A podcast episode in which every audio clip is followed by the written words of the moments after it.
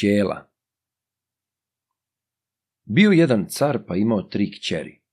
Dve starije uda za carske sinove, a na najmlađoj naumi da ostavi carstvo, jer je bila najlepša. U toga cara bio je jedan sluga kojega su zvali Ćela, jer je bio ćelav. Taj sluga ništa drugo nije radio, nego samo po bašči što je trebalo, ali mu je bašča tako bila uređena kao da je u njoj radilo deset ljudi. I svi su se tome čudili. Careva je kći često gledala s u bašču i govorila u sebi. Bože moj, kakva je to lepa bašča i kako je uređena, a radi je samo jedan čovek. Pa još da je kakav, nego mali, kao šušica. Jedno jutro careva kći gledajući tako s i čudeći se, opazi ćelu u bašči pa mu progovori. Za boga ćelo, kako možeš ti sam toliku bašču tako lepo raditi i držati? A on joj odgovori, gospođo devojko, ako si rada znati, porani pobolje pa ćeš videti.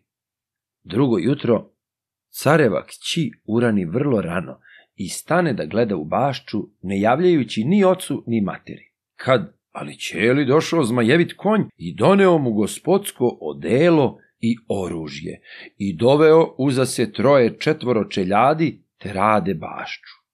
A ćela se obukao u ono odelo, te postao sasvim drugi, nije više ni ćelav, nego lep momak što može biti, pa uzjahao na onoga konja, te se šeće po bašči, a konj da se pomami pod njim, sve mu varnice iz nozdrva sevaju. Ona kako vidi ćelu, zagleda se u njega, ali nije htela za dugo nikome kazati. Kad mnogi prosci stanu dolaziti i prositi je, ona najposle kaže da neće ni za koga, nego za ćelu. Car i carica kad to čuju stanu je ružiti i huliti. Kako bi ti za slugu pošla, pa još da je kakav, nego ćela. Hoćeš da nam sramotiš carstvo? Ali ona to ne htedne ni slušati, nego reče, ili za njega, ili ni za koga. Kad otac vidi da ništa ne pomaže, obuče je u prostačko odelo i načini je kao puku prosjakinju, te je uda za ćelu, pa im da iza grada malo zemlje, a ćela onde načini bašču i u njoj kolibu i stane živeti s carevom kćeri kao svaki baščovan, noseći zelen u grad i tako poštogod zaslužujući. Ali kad je god hteo, mogao se pretvoriti u najlepšega čoveka, samo je trebalo da zvizne, pa bi odmah dotrčao zmajevit konj i doneo gospodsko odelo i oružje. Tako je trajalo neko vreme, ali na jedan put udare neprijatelji na ćelinoga tasta sa dve strane, da nije znao kuda pre. Onda reče u sebi car, one dve kćeri što sam udao za carske sinove, imam sad od njih pomoć, a ovu od koje sam se najviše nadao, dadoh za rđu.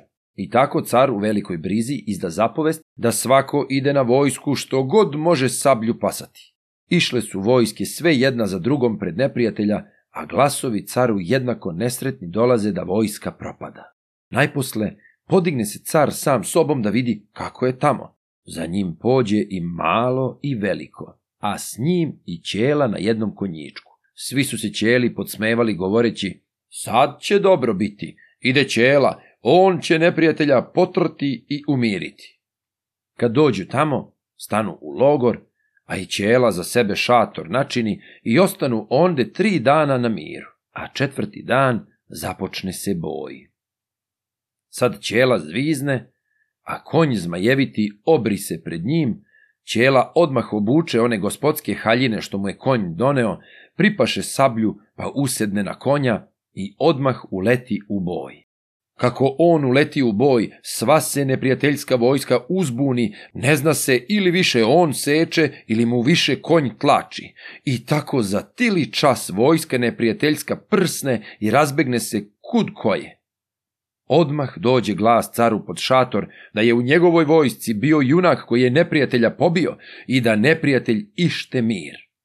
Car odmah zapovedi da taj junak dođe predanj i da ište što hoće da ga daruje. Ovi prvi glasnici još i ne odu da traže onoga junaka, a to dođu drugi i kažu da je to njegov ćela. Car se udivi kad to čuje i nije hteo verovati. Kad bi on bio, on bi došao k meni. A ćela mu poruči, kad pođemo kući, napored ću s njim jahati, kad se posle toga učini mir i pođu natrag. Ćela savije svoj šator i ono malo prtljaga i metne na svoga konjička, pa onda zvizne, a konj se zmajevit obri pred njim. On obuče gospodsko odelo i usedne na zmajevita konja, pa pođe s carem napored, da ga svi vide, da je on. Kad car vidi da je on, od radosti se zaplače i tako u radosti dođu kući i onde car još za života svoga preda ćeli carstvo, te ćela postane car.